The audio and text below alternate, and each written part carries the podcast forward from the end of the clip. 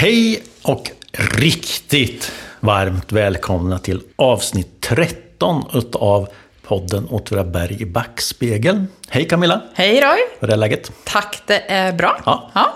Kul! Du då? Eh, Ja, men det är jättebra. Ja. Eh, Det är alltid roligt att det är alltid roligt att spela in. Ja. Alltså det, det är en höjdpunkt. Vi är lite som barn på julafton. Ja, ja. men så är det. Ja. Ni får göra det. Mm. Har det hänt något kul sen sist? Ja, eftersom du frågar. Ja, jag hade ju boksläpp. Just det. För boken Från Adelsnäs till Österby. Ja. Mm. Och det var ju helt fantastiskt. Det var ju strax före jul. Ehm, och det kom väldigt mycket folk. Ja, det strömmade in, det strömmade in och så tog aldrig Ja, och slut. du var ju där, så det vet du ju. Det, vi hade ju en tipspromenad, heter det. Ja. Ehm, Där man kunde vinna en bok. Nej, men det var väldigt, väldigt roligt. Och nu har vi faktiskt sålt slut på alla böckerna. Och blir det en ny upplaga? Eller? Ja, det kommer fler böcker förhoppningsvis här i februari. Och Kul. då kommer de finnas på, ja, Ja. jättekul. Icas förbutik, som är tanken i alla Ja, för fall. den frågan har jag fått mycket. Var säljs boken? Ja. Och då kan vi ju meddela att den kommer att säljas då i... Ica Ja, förbutik. vad bra. Ja, och du då? Ja, men vi har ju ett, haft en uh, julutställning. Vi har, den, den fortfarande pågår i, i Mumslokalen. Eh, i, jo, I Torins fotospår.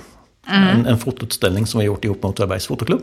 Det har varit mycket välbesökt. Det förstår jag. Ja. Det är ju bra, för det är väl där de har tagit likadana, alltså stått på samma plats där Torin Ja. stod en gång och Ja. tagit foton. Ja. Så Det är ju jättekul. Ja, och det blir mycket diskussioner, Ja, mycket förstår. surr kring när folk... Ja, jätteroligt. Ja, det engagerar. Ja. Ja. Och idag tänkte jag vi skulle prata om någonting som också engagerar. Mm. Eh, idag ska vi prata om företaget Facit AB. Mm. Eh, ett av två avsnitt tänkte vi. Mm. Eh, där vi då fördjupar oss lite i det här. Och eh, med anledning av det så kan man väl säga att dagens avsnitt också görs i samarbete med Olli och- Elof Erikssons stiftelse för välgörande ändamål. Mm. Som då också har förstås en, en gammal anknytning till företaget Facit AB. Alltså, Så de stöttar podden helt enkelt. ja, ja, Mm. mm. Och eh, idag vill vi ägna lite, inte så lite, utan mycket tid Ja, till ja, facit. men precis. Ja. Och det här är ju Facit AB, eller Åtvidabergs Industrier som företaget hette från, fram till 1965. Eh, har spelat en enormt stor roll för Åtvidaberg. Eh, men men inte, inte bara det, utan det här är också ett, ett stycke eh, svensk företags och industrihistoria. Egentligen berättelsen om historien om Facit AB är också berättelser om det moderna Sveriges framväxt kan jag tycka. Ja. Det är ju helt galet. Ja. Att, det, är, ja, att det hade så stor betydelse. Alltså, och jag, jag, kan, ju- jag, har- en, jag, har ju på något, jag har en väldigt stark personlig relation till Facit AB. Som jag inte tror, kanske att du tänker på. Eh, det är faktiskt så att jag, jag själv är ett resultat av företaget. Aha, Ja. jag börjar ana oro. Berätta. Ja, men grejen är att eh, min mor eh, kom från Tyskland i början på 1950-talet för att just arbeta på företaget Facit AB. Ja. De blev liksom, um, företaget åkte dit, eh, letade efter lämplig personal som man sedan anställde och sen kom de hit. När var det sa du? Eh, I början på 1950-talet. Ja. Så din mor kom hit därför att hon blev headhuntad till Facit? Ja, skulle man kunna säga. Det är fantastiskt. Ja, tillsammans med en, hon kom alltså från Tyskland. Ja. Ja, och, och kom hit tillsammans med en, en, en, en stor grupp utav tyska kvinnor var det. Ja. Ja. Och var jobbar hon då? På Eh, Facit alltså? eh, ja, hon jobbade på um, pressavdelningen bland annat. Ja. Mm.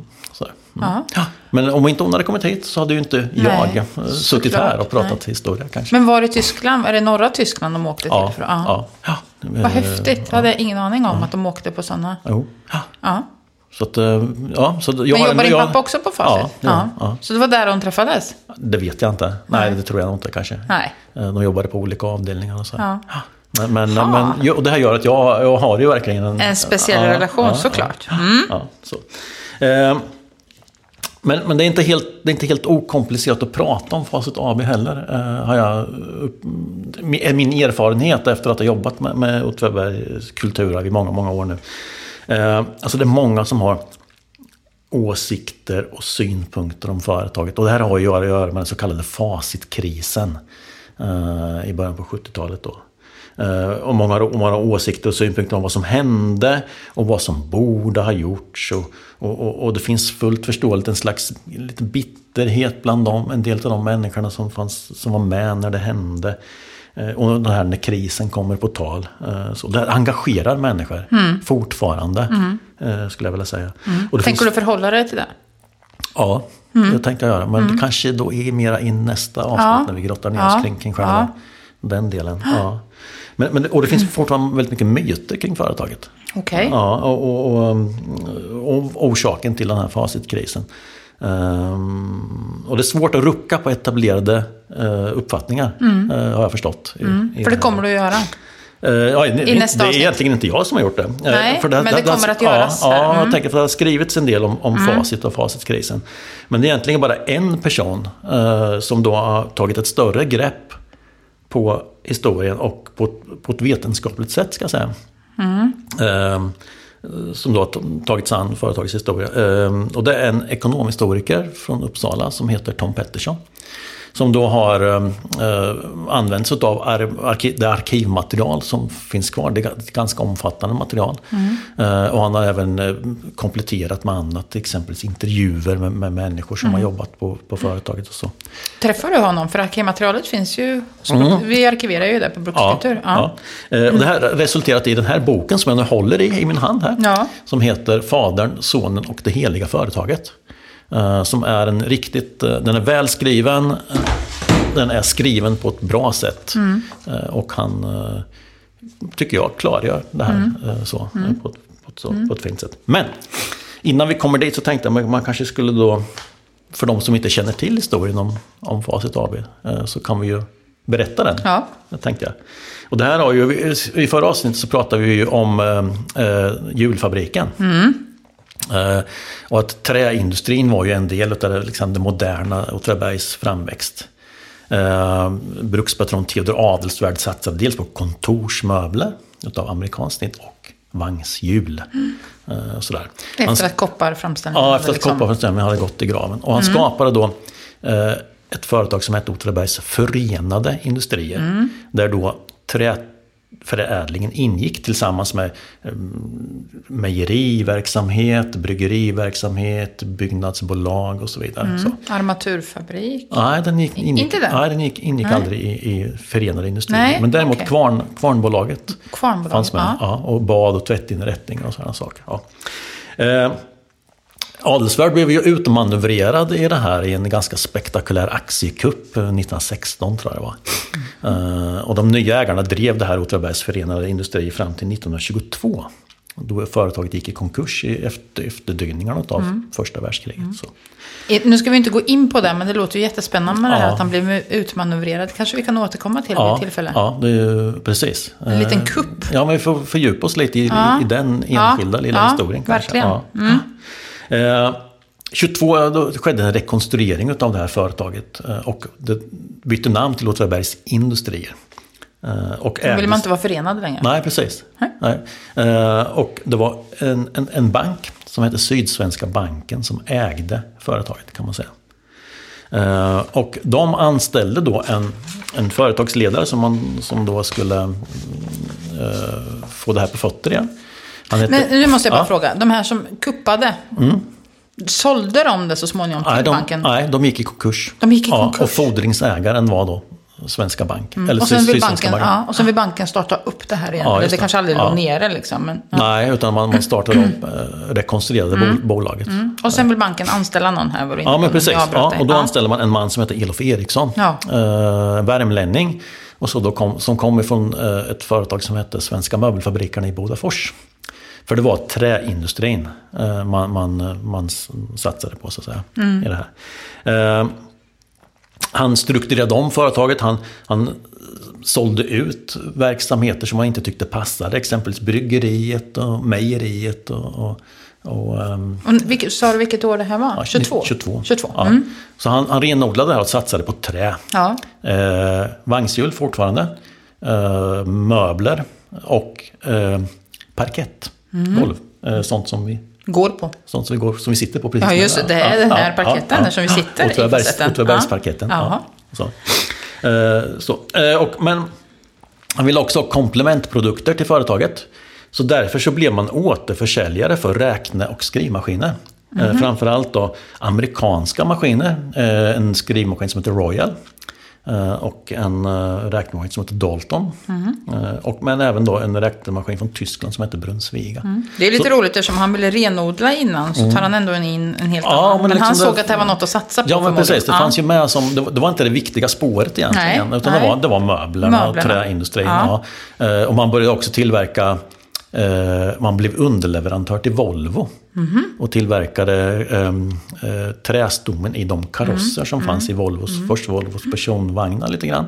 Men framförallt då Volvos lastbilar. Mm. Fast det här är ju jättespännande för det man idag förknippar med Facit är ju räknemaskinerna. Ja. Och från början var det bara ett sidospår, en, ja. en kompletter ja, kompletterande verksamhet. Ja, eh, och, mm. eh, den här Sydsvenska banken då, som ägde Åtvidabergs mm. Industri, de ägde också ett företag som hette AB Facit. Jaha, ja. så det fanns innan? Ja, det fanns eh, i ett Stockholmsföretag eh, som tillverkade då räknemaskiner ah. utav spakmodell. Alltså man ställde in ah, inställningarna med spakar. Kan ja. man säga. Ja. Och det här var en uppfinning av en man som hette Karl Rudin.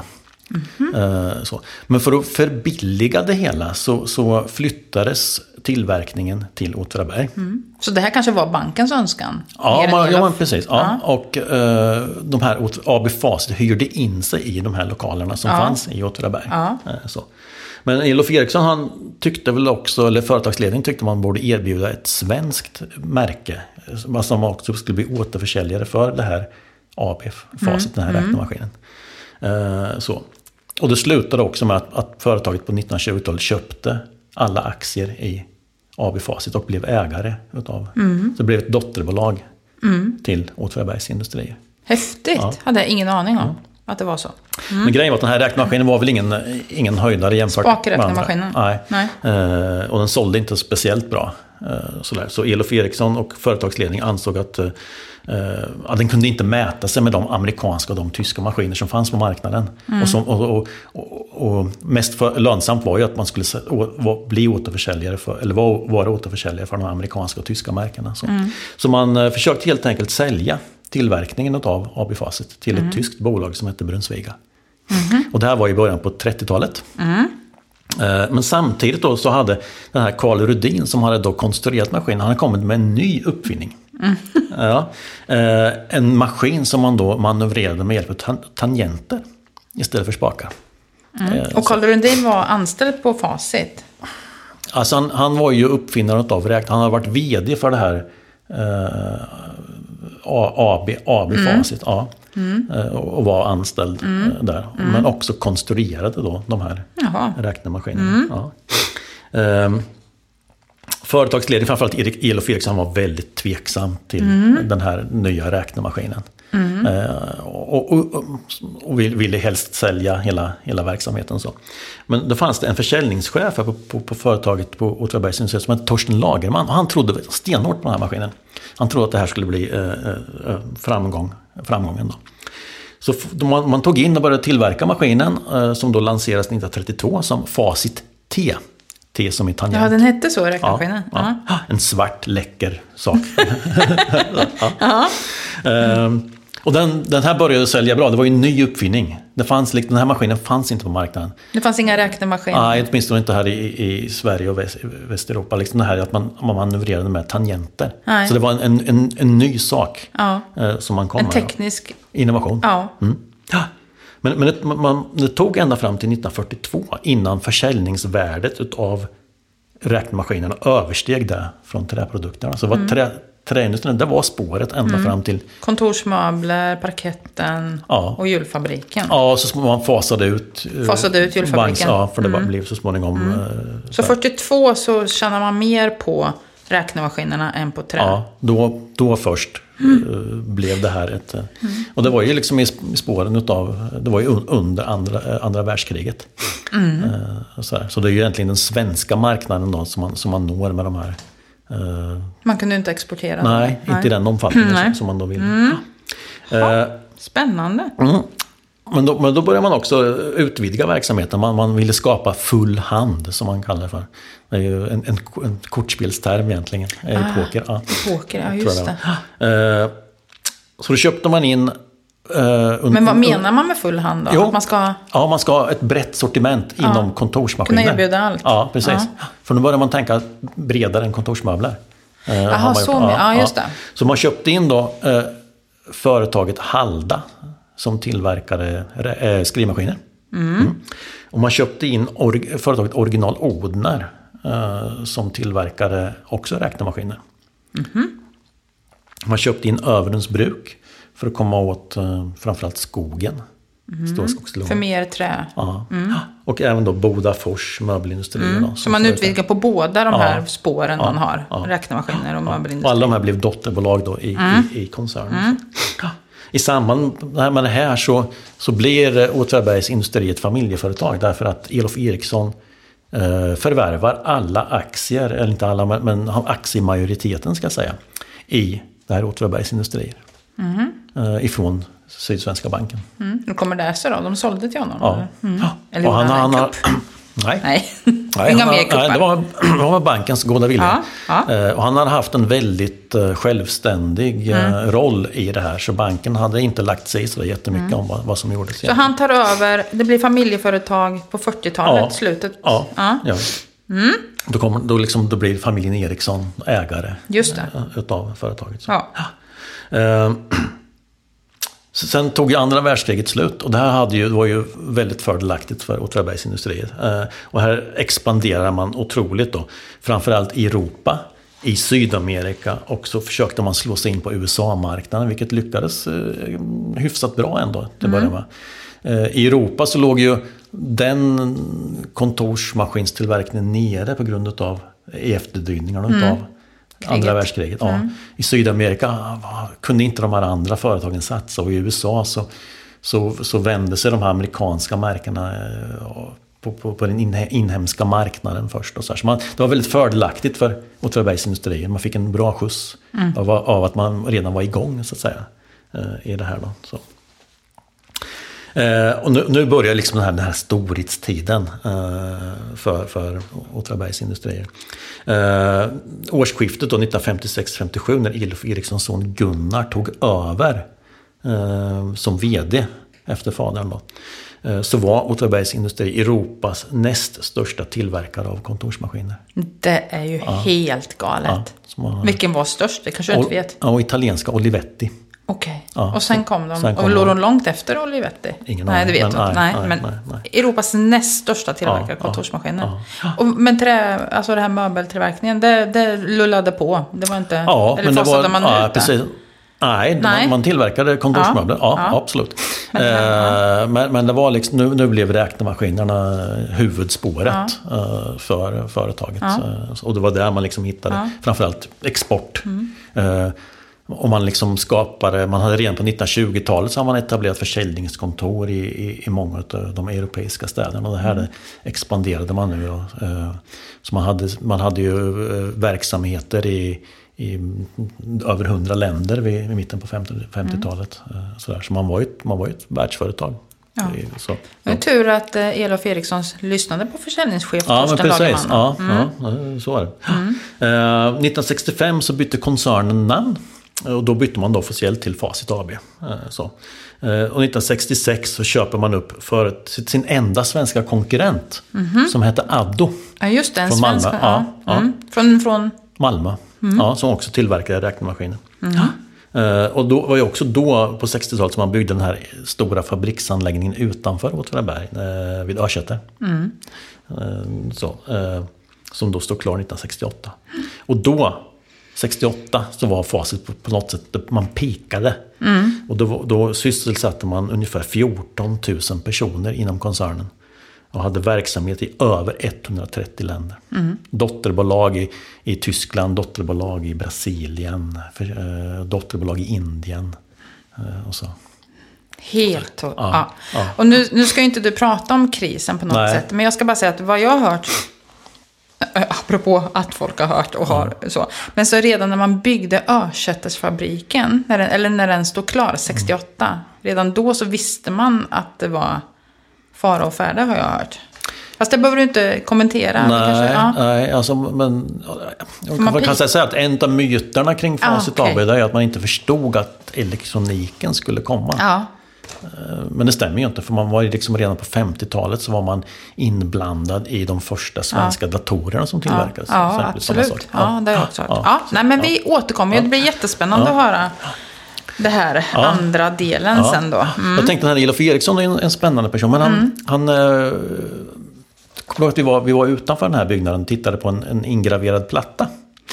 Vid entrén, ja, på precis, höger sida, ja, vid entrén till facetten. För det finns bilder på när Elof Eriksson lotsar eh, kung Gustav Adolf, eh, Gustav VI Adolf här. Mm. Och de, de, är ganska lika de där två personerna. Man kan se, jag tittar på bilderna sen. Ja, men det har du rätt i. Jag tänker efter hur Elof Eriksson såg ut.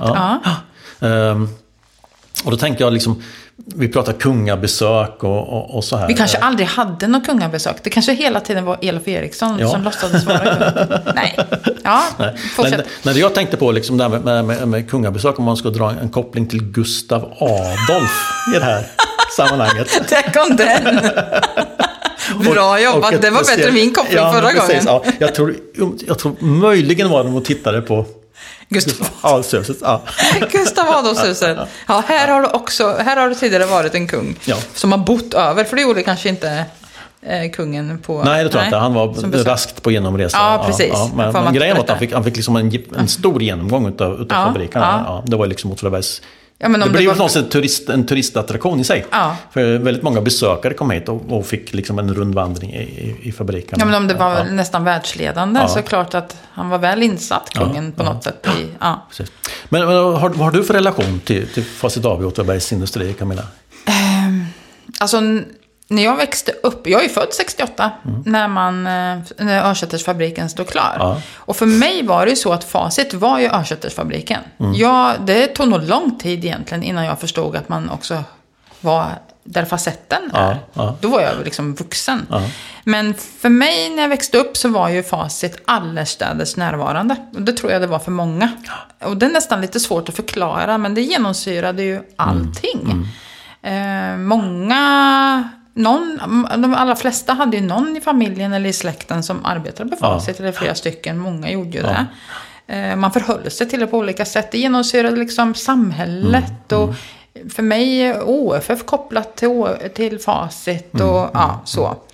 Och för min egen del så jobbade ju åtminstone, ja, nu ska vi se här. Min mormor jobbade ju på Facit. Mm. Eh, och jag minns att hon tog med oss ut på julgransplundring ja, ute vid Örsätersfabriken. Ja, Kommer du ihåg det? Ja, det har också minnet av. Ja.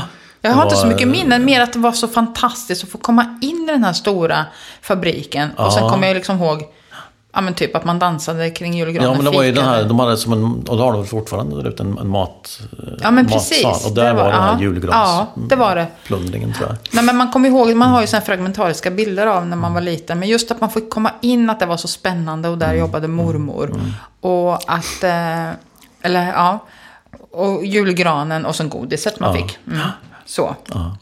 Men förutom det, och jag kommer väl komma tillbaka lite till det, så är det egentligen två specifika saker som jag tänker på när jag minns facit. Men det tänkte jag hålla på ja, ett tag till mm, mm. och återkomma till det lite mm. senare.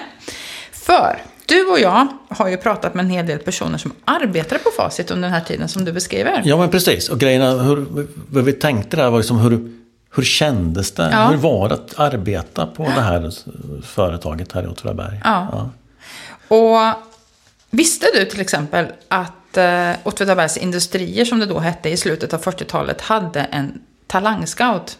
Ungefär, ja men du berättade ju om att din mamma blev headhuntad mm, mm. Eh, i Tyskland. Ja. Så, och man hade ju en talangscout som åkte runt på värvningsresor, framförallt i Småland. Mm, ja. Mm. Och han hette, vet du det? Ruben Engren. Ja, ja. bra. Mm. Du kan din facitshistoria. och sen 46 tror jag så hade man ju en särskild yrkesskola på facit. Ja, det, jag vet inte om den går ännu längre tillbaka, men nej, nej det, det är 46. Den startade ja. 46. Ja. Det, har, det har ju att göra med att man inte fick man fick inte den arbetskraften, den, alltså den kompetens man ville ha till företaget. Nej. Så man startade en yrkesskola. Ja, Smart även där. Ja. ja. Och Ruben Enegren, då, den här talangscouten, han var ju mån om att komma hem till hemmen har jag mm. förstått och se mm. att de här presumtiva lärlingarna som skulle gå på yrkesskolan att, att de hur de levde, ja. att det var ordning och reda ja. i hemmen. Ja. Och en person som blev värvad på det här sättet, just av Ruben. Mm. Eh, och Ruben var hemma och åt eh, den här personens mammas eh, kakor och sådär. och så, efter det så kallar de till de här kakorna för Enegrenskakorna också. Mm. okay. Men en, den här personen då som blev värvad som lärling eller som kanin. Mm. Det var så de kallades, de som gick i yrkesskolan. Och det kanske vi ska reda ut varför de kallades för det. Men det var Allan Pettersson. Mm. Eh, han bodde i småländska Hösby. Och Allans äldre bror Stig, han hade börjat yrkesskolan lite tidigare ja, än Allan själv, ja. nämligen på våren 1950. Mm. Och sen kommer Allan då till Åtvidaberg i november samma år, 1950. Mm. Och han påbörjar, och nu är jag lite oklar här, men jag tror att en fyraårig yrkesskola, eller om den till och med var fem, fem, fem ja, ja, femårig. femårig då. Med inriktning mot verktygsmakare. Mm. Och ungefär, tillsammans med ungefär 20 andra mm. lärlingar då. Och det var arbete på dagarna, då var de ju ute liksom i produktionen. Ja. Och sen så studerade de på kvällen. Ja. Jag tänker att det måste ha varit ett, ett ganska hårt sätt att studera. Alltså man, man jobbade normal ja. sju till vad det kan vara, ja, halv ja. fyra, 24. Ja. Och så åt man och sen direkt iväg på kvällskurser till och då, åtta, Ja, jag tror alla nio, nämnde det. Sådär. Ja. men precis från halv sju till nio, tio på kvällen kanske. Och så hade man väl kanske saker man skulle hinna och och göra till dagen ja, därpå. Tufft program. Ja, men klart. tufft program. I, eh, och så gick man ju runt på olika avdelningar, mm. framförallt mm. första året tror jag, mm. också för att lära sig få en bredd i företaget, ja. eller vad företaget sysslar med. Mm. Och när han är klar då, efter fem år, mm. så får han en tjänst som ställare vid pressavdelningen. Så då, hade, då kanske din mamma, för då var inte hon på pressavdelningen? Ja, men precis. Jo, men det stämmer. Min ja. mamma jag, jobbade vid en av de här pressarna som all, Allan på något sätt. De, de blev lite för, men ofta de här. De som gick i yrkesskolan? Ja, precis. Ja. De hade lite bättre utbildning än de andra. Ja. ja. Så, så hon har jobbat under Allan. Under Allan, ja. Häftigt. Ja, Och som jag har förstått så låg ju den här pressavdelningen, där man alltså pressar små saker som ska in i jag vet inte vad. Ja, böjer och pressar. Böjer och pressar och, och, och ja. Den låg där hälsofabriken ligger idag. Ja, så, Stämmer det? Ja, men så förstår jag alla mm. också. Ja. Och det var en avdelning som, eh, som var den första sen att 1968 flytta ut till Örnköttersfabriken ja. dessutom. Ja. Mm. Eh, och Allan han berättar ju, eh, du var ju med också mm. Roy, han trivdes ju jättebra. Ja. Och det var så bra sammanhållning. Mm. Och inte så stor omsättning på folk, vilket, utan man var facit trogen. Ja. Och då, och då, då tänker jag ju du i efterhand också att ja, för alternativen var ju förmodligen heller inte jättemånga. Nej. Utan det var, den var ju dominerande här. Ja, ja. Eh, sen fanns det ju en del andra företag. Ja, men, men precis. Men facit det var, ju, det var ju det totalt dominerande företaget. Ja. ja. ja. Sen så pratade han ju också om att det blev lite annorlunda, tyckte han, när man lite senare införde så kallade tidsstudier. Mm. Och, och en del tjänade, som var mm. duktiga, tjänade mm. ju då mer än andra, för det var ju ett sätt att, ackord. Typ. Ja, man, precis. Man mätte personers förmåga, att, uh, snabbhet till sitt arbete och det var det individuella ackord. Mm. Så att du kunde tjäna mer än mig. Precis, och det, det skapar ju naturligtvis ja. konkurrens. Ja. Och som jag har förstått så gick det ju omkring sådana här tidsstudiemän. Ja, de var inte så väl sedda, jag förstått. Nej, det är ju inte förvånande. och tala om hur mycket man skulle hinna och hålla Ja, de, och de mätte liksom på ja. din, hur mycket du, din förmåga att arbeta. Mm. Ja. Så är det någon som har jobbat som tidsstudiemän så vill vi jättegärna, det skulle vara jätteroligt att prata med en, en sån person och se hur det var. En annan person som också gick yrkesskola men drygt tio år senare, det var Lars-Göran Yngvesson. Mm. Och han började ju då, alla när han började, han var 17 år och då var man tydligen, han var några år äldre än de andra. Mm. Och Lars-Göran han påbörjade sin eh, yrkesskola direkt efter åtta år i grundskola, så han var 15 och det var nog mer vanligt att man var i den åldern. Och både hans far, som hette Yngve, mm. och mor Eivor hade arbetat på Facit. Yngve som montör och senare fräsare och instruktör. Och Eivor jobbade på kontoret. Mm. Så det här liksom gick i familjen. Ja, men precis. Och det är ja. ganska typiskt tror jag, för ja. hur det var hos många släkter och familjer där Såklart. Ja. ja. Och precis som Allan så gick också eh, Lars-Göran eh, verktygsmakarelinjen. Mm. Ja. Och han trivdes kalasbra, Mm. han också, sa han. Trots att de hade en ganska tuff arbetsledare, alltså när han gick yrkesskolan då. Mm. Och då tror jag att den var fyra år när han gick, Ja. tio år senare. Ja. Men de hade en ganska tuff arbetsledare som gick under namnet Gubben. Mm. Eh, och verktygsfabriken där Lars, Yng Lars Yngve, vill jag säga, hette han inte, Lars-Göran Yngvesson Mm. eh, arbetade eh, under yrkesskoletiden. Den, den låg där biblioteket ligger idag. där Ja, gick man i Ja, yrkesskola. precis. Han var en del av- ja. Mm. Precis. Och gubben, han eh, brukade gå och ställa sig vid fönstret Mhm. och titta ut på dammen utanför. Det kan man göra idag också om man Mm. Ja, går in i ja. biblioteket och tittar ut på dammen. Eh, och en tidig vinterdag innan skolan drog igång så låg det ett tunt snötäcke på marken, berättar Lars-Göran. Och han fick för sig att han skulle testa om det hade blivit hur tjock isen, för det låg ju Mm. ett tunt snötäcke för att det var ju is på dammen då. Han ville testa hur tjock isen hade blivit. Mm. Så han kastar ut en järnklump, men nå- för något från tillverkningen Mm. så. Och, den, och isen håller. Ja. Och den här järnklumpen den spårar ju liksom upp ett spår i snön. Och sen lägger den sig ju väl till rätta då på isen. Och Lars-Göran och hans kompisar, som han gick i skolan ihop med, de inser ju direkt att det här kommer att bli ett jäkla liv på gubben när han, när han då tittar ut lite senare och ser den här järnklumpen. Och han kommer att kräva att få veta vem som har kastat ut den, för så var han. Så de får inse att den här kan ju inte ligga kvar. Men frågan är ju hur tjock isen är. Om den kommer att hålla för att en av dem springer ut. Men en av grabbarna springer ut, tog- inte Lars-Göran själv. Han tog mod till sig. Han tog mod Ja, till sig och det var väl tecken på hur faktiskt, hur kanske rädd man var. Ja, ja. Han springer snabbt ut på isen som otroligt nog håller, hämtar klumpen och springer tillbaka. Så när gubben en stund senare tittar ut genom fönstren så hör de honom säga att har ungarna redan varit ute på isen? Då trodde han väl att det var några småbarn som Ja. hade varit ute och sprungit. Mm. Sen var det ju förbjudet att röka naturligtvis på den här Mm, tiden. Men en samlingspunkt, berättade Lars-Göran, var ju toaletterna. Ja. dit man gick och rökte. Man satt två och två på holken. Och där pratar man ju allt möjligt med Mm. politik. Han sa att man pratar mycket mer politik då. Eh, Man pratar ju fotboll Ja, förstås. Ja, OFF. Och man rökte. Ja. Och gubben eh, sa ju någon gång när han kom tillbaka, tror Yngvesson att han kan sitta på Osis hela dagarna? Och Osis var tydligen Okej, det osade så mycket cigarettrök. Ja, och, och kanske annat, Ja. vad vet jag. Men Ja. han hade liksom små kommentarer sådär Ja, hela tiden och var ganska sträng. Ja. Och precis som Allan också, så berättar han, Lars-Göran att det fanns ju inga kafferaster. Nej, det är fantastiskt det där. Ja, Eller, under de här tidiga åren ska vi man- säga. Ja, precis. som Man, Ändå dracks det ju väldigt mycket kaffe. Trots att de var, vare sig hade kafferaster eller kaffebrygg Mm. eller kaffekokare. Så drack man kaffe. För man hade ju med sig termosar. Och de gömde man ju undan, för man fick inte ha kafferast. Nej. Så man gömde undan dem och det hymlades med såna här beställda kaffekorgar från Lodge. Ja, precis. och... Och när förmännen kom så smusslade man undan det där. Ja. Det är ju kul. Sen när man så småningom flyttar ut vid Örsätter så fanns det ju kaffeautomater. Mm. Och Lars-Göran han arbetade sen då som verktygsmakare på verktygsavdelningen fram till 71. Och sen var han, så han var ju också med flytten Ja. ut till Örsätter 68. Och sen slutade han för att en tid läsa, på, läsa lite mer teknik på Bärsan. Och var lovad en anställning på konstruktion på Facit när han kom tillbaka. Men så kom ju Facitkrisen under den här tiden. Men han fick eh, en, en annan tjänst eh, som kvalitetsansvarig. Och så var han kvar så länge som till 2010. Ja. ja, den där facitkrisen den Ställde till ställde det. till det för många. Du, du nämnde fotboll. Ja. Alltså, jag, jag tänker eh, om man pratar fotboll och facit.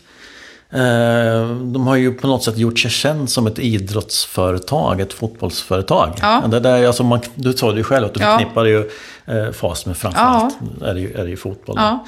Eh, och det här är, kan man, ser man det lite i perspektiv så, så är det här väldigt typiskt för svenska bruks och industriorter.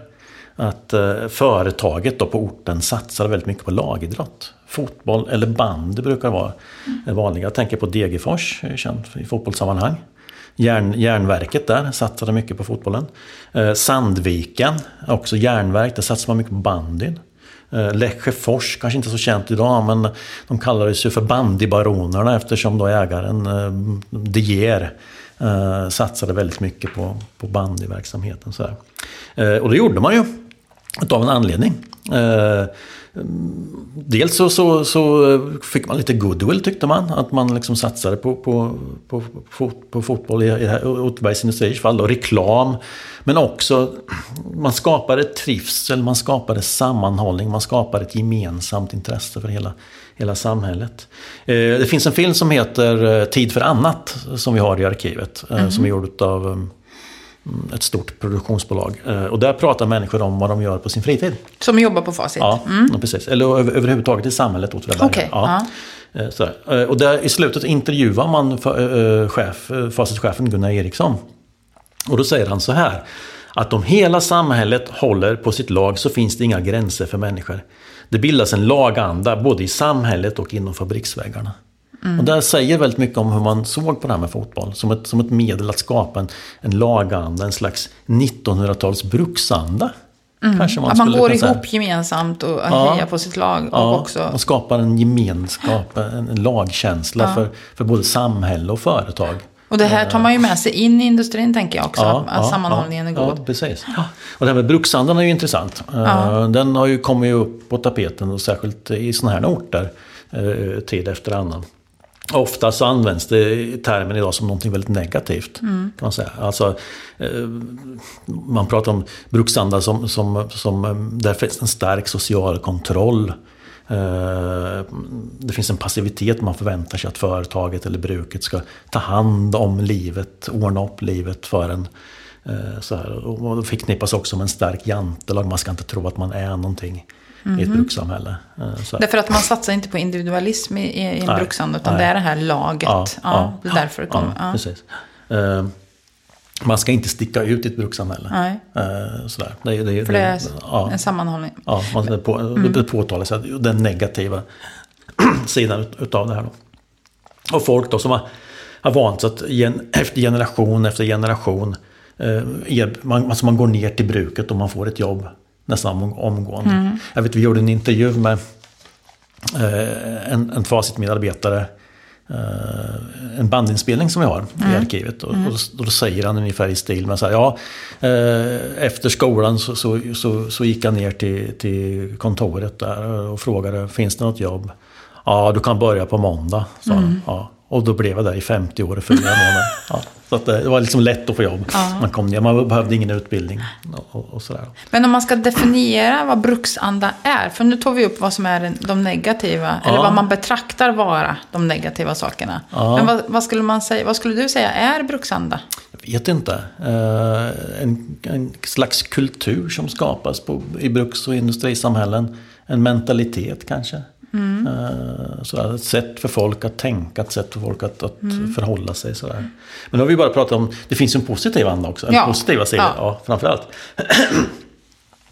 eh, alltså, bruket eller företaget det blir, ju mer än ett jobb. Eh, alltså det är inte bara ett jobb som du går till. Mm. Eh, utan det blir, det blir ett sammanhang. Just det här med sammanhållningen kan ju också ha en positiv sida. Mm, absolut. Eh, sådär. Mm. Man tar ett gemensamt ansvar kanske.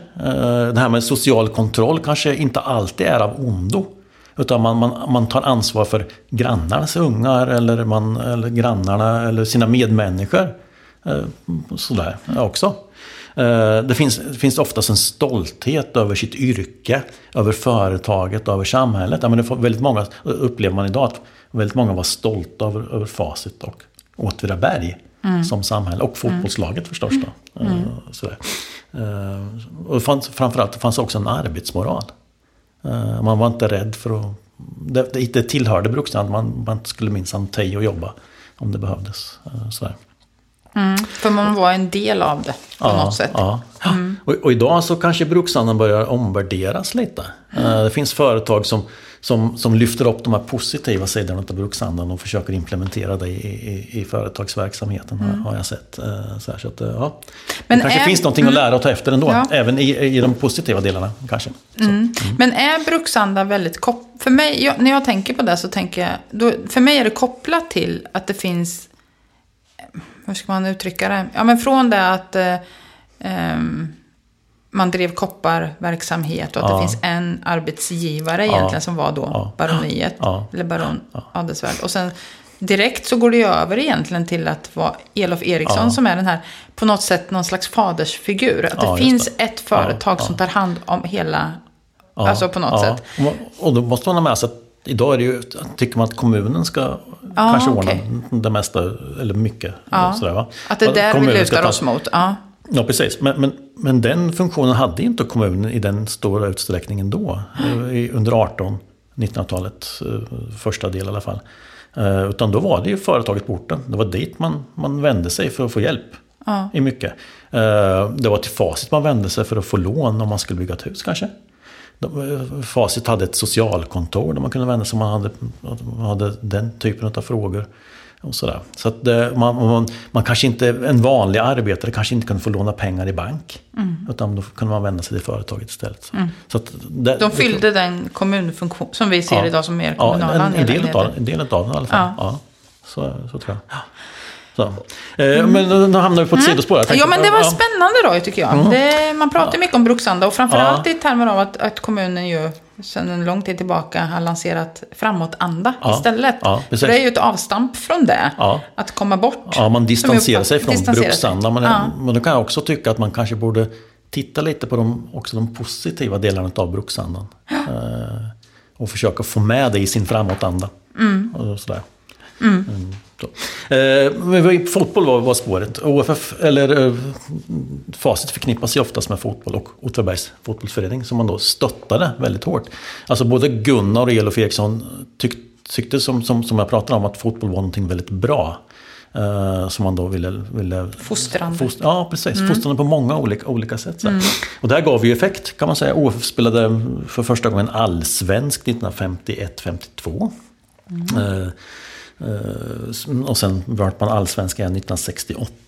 Eh, man, man såg till att det fanns facit, anställde bra tränare som kunde jobba på företag men också på träna OFF och så här. Man, satt, man pytsade in mycket pengar i idrottsanläggningen Kopparvallen. Och, och Man gav förutsättningar. Ja, men precis. Ja. Ehm, och det här med att Facit hade ett, hade ett dotterbolag i Brasilien drog man någon nytta utav. Ehm, Bra- man hade besök av brasilianska fotbollsspelare här i Åtvidaberg. Just eh, det. 1951. eh, Första gången tror jag. Eh, Och sen början av 60-talet ett par gånger. Eh, Och sen då som, som liksom grädden på moset som det absoluta piken i det här. Vår så- andra kung. Ja men precis, det var den andra kungen här. Ja. Om vi ska prata kungar. Ja, vi, sa ju, vi, vi pratade ju om honom som kung. Ja, precis. Fotbollskungen Pelé, var här. Ja. Ja. Det brasilianska fotbollslandslaget låg här på en veckas träningsläger 1966. Ja. Inför eh, VM i England. Eh, så.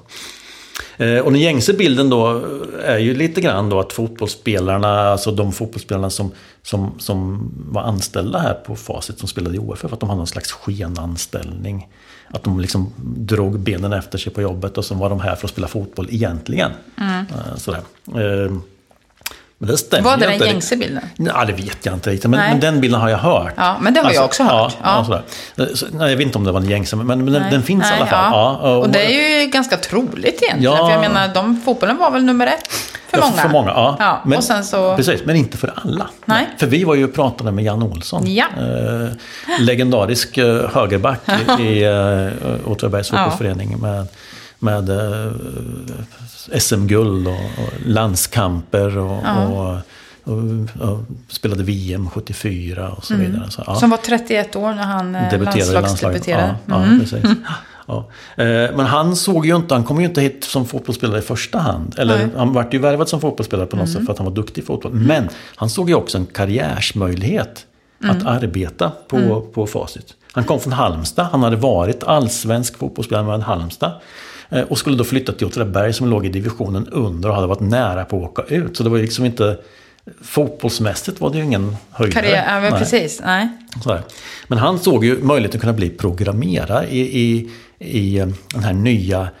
Alltså på, i slutet på 60-talet var det ju datorerna som, Mm. som var på frammarsch. Och han fick alltså ett arbete som programmerare Mm. på, på Facit. Alltså ett jobb som, som, som um, kunde ge någonting mera i framtiden efter fotbollskarriären. Mm. Ja, för det Och var... Mm. Och det var ju många, som, många fotbollsspelare som resonerade i den andan också Ja. förstås. Nej, han sa ju verkligen att det var så viktigt för honom att fotbollen liksom, jag måste ju tänka vad, hur ska jag försörja min familj efter fotbollen. Ja. Det kommer ju inte liksom, att finnas kvar för evigt. Nej, precis. Så han var ju väldigt målmedveten där, Ja. att han ville få en, en utbildning och Ja. ett bra jobb. Ja. Sådär, så, att, så att det var inte alla som var här bara och drog benen efter sig. Nej. Man ska, Nej. Man, eller, ja, det gjorde de väl förstås inte, men, men, men ja, så, så, sådär, så att, eh, men ett, ett bra jobb menar han på, det var det var viktiga. Och sen, sen upplev, upplevelserna med fotbollen och allt vad Mm. det innebar. Så var ju det som en bonus, det sa han ju flera gånger. Ja. Oh, ja. Mm. ja, det var jättekul. Det har Ja, väldigt roligt att prata både med Allan, Lars-Göran och, Ja. och Janne. Ja. Verkligen. Mm. Och nu har vi ju pratat, eh, det är ju män som vi har pratat om. Ja, det blir ju lätt mycket män som träder fram. Och, Ja. men, men om jag får bara inflika Ja. så facit, alltså de här eh, bruksföretagen är ju oftast en, en väldigt manlig industri. Mm. Men facit har ju faktiskt inte varit där. Okej. För facit, där har det också funnits plats för kvinnorna i produktionen. Ja. Ja. Och i ledningen då? Eh, även i ledningen. Eh, så. Mhm. Jag menar, och det kanske fanns på andra företag. Men jag tänker en sån här kvinna som Elof Erikssons privatsekreterare Signe Sundberg. Mhm. Eh, som då hade ett otroligt stort ansvar. Eh, vid något tillfälle i någon, skriver hon ett brev till Elof Eriksson som, som då var iväg någonstans. Mm. Eh, och eh, vice vdn var också någon annanstans. Eh, och resten av företagsledningen var inte anträffbar. Så den här veckan skriver hon, är det jag som sköter företaget? Det är underbart. Ja. Det Lite Ja, humoristiskt. det är väldigt roligt. Ja. Sen är det väl också å andra sidan typiskt att det är en, just att det är sekreterarfunktionen. Det Eller... fanns inga manliga sekreterare på den Nej, jag menar det. Det är så typiskt. Så även om det var kvinnor så är det ju oftast kanske på de positionerna Ja. vi hittar dem. Ja. Och även så med de eh, som jag tänkte prata lite om det här. Så. Eh, men, det, men som du säger, det jobbar en hel del kvinnor i produktionen. Vi har Ja. pratat, du har pratat om din mamma Ja. eh, och jag har pratat om min mormor. Och jag tänkte bara jag ska säga lite mer om, om mormor. För att jag minns ju när jag växte upp att hon jobbade på Facit. Så. Eh, men hon jobbade ju även där tidigare. För när hon hade småbarn, alltså min mamma då och hennes syskon. Så jobbade hon ju dels på kvällarna mellan 18 och 22 ungefär. Eh, gick hemifrån när, när hennes man hade kommit hem. Som för övrigt också jobbade på Facit om jag inte har helt fel här. Och då, de kallades för Aftonstjärnorna. Ja, Har du hört talas om det? ja, jag har gjort fast i ett lite annat sammanhang. Ja. ja, men det kanske... Ja, jag kan få slutföra det här då, Ja. ska vi se. För att jag tror också att det kan vara i ett annat sammanhang. För hon gjorde ju nämligen även hemarbete under den här perioden. Det kanske inte exakt samtidigt. Det kanske var en period med hemarbete och en period som hon jobbade på kvällen. För att när hon jobbade på kvällen så gick hon ju liksom iväg. Barnen hade somnat och sådär. Men även hemarbete, att det kom hem liksom, saker som hon fick jobba med. Hon satt i källaren.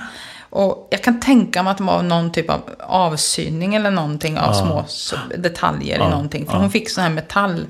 Eh, vad ska man säga? Små... Detaljer. Detaljer, alltså Ja. i händerna som Ja. sen fick sitta och plockas ut med, med ja, pincett eller någonting sånt. Och senare kom ju hon att jobba dagtid. Men jag tror att även det här var någon aftonstjärna... Ja, men precis. Och det, och det är häftigt för att jag Ja. tänker att då, då, då räcker det ju inte till. Alltså, Nej. de tillverkar så mycket. Räknar, Ja. Alltså produktionen är så omfattande så att man räcker inte till att man, man är bara på fabriken. Utan man låter de här kvinnorna Jobba det var- hemma. ja, eh, Så, vilket precis. passar ju dem alldeles Ja. utmärkt. Ja. Ja. Att sitta där liksom och ändå kunna vara kvar hemma. Mm, Sen berättar ju mamma, hon hade en kort eh, facit-sejour här. Mm, Hon jobbade tio månader år 1974. Det var strax innan min syster föddes förstår jag. På just avsyningen. Mm. Ja. Och det var väl inte jättekul. Alltså, Det var väldigt, väldigt enahanda. Ja. För hon fick syna på små bitar så skulle hon ju liksom syna att ett hål var tillräckligt stort. Ja. Exakt hur hon gjorde det vet jag inte. Men det var ju liksom, hon sa att det var miljontals sådana här bitar. Ja, men, ja. Och jag vet inte, jag tänker min, min mor, eh, hon trivdes aldrig på Facit. Nej. Nej, eh, sådär. Eh, och jag tänker det, det kanske... Män och kvinnor, kvinnor jobbar ju sida vid sida i, i ganska mycket. Men jag tänker det kanske var en, en väldigt manlig jargong, en manlig... Ja. inte, det kanske inte...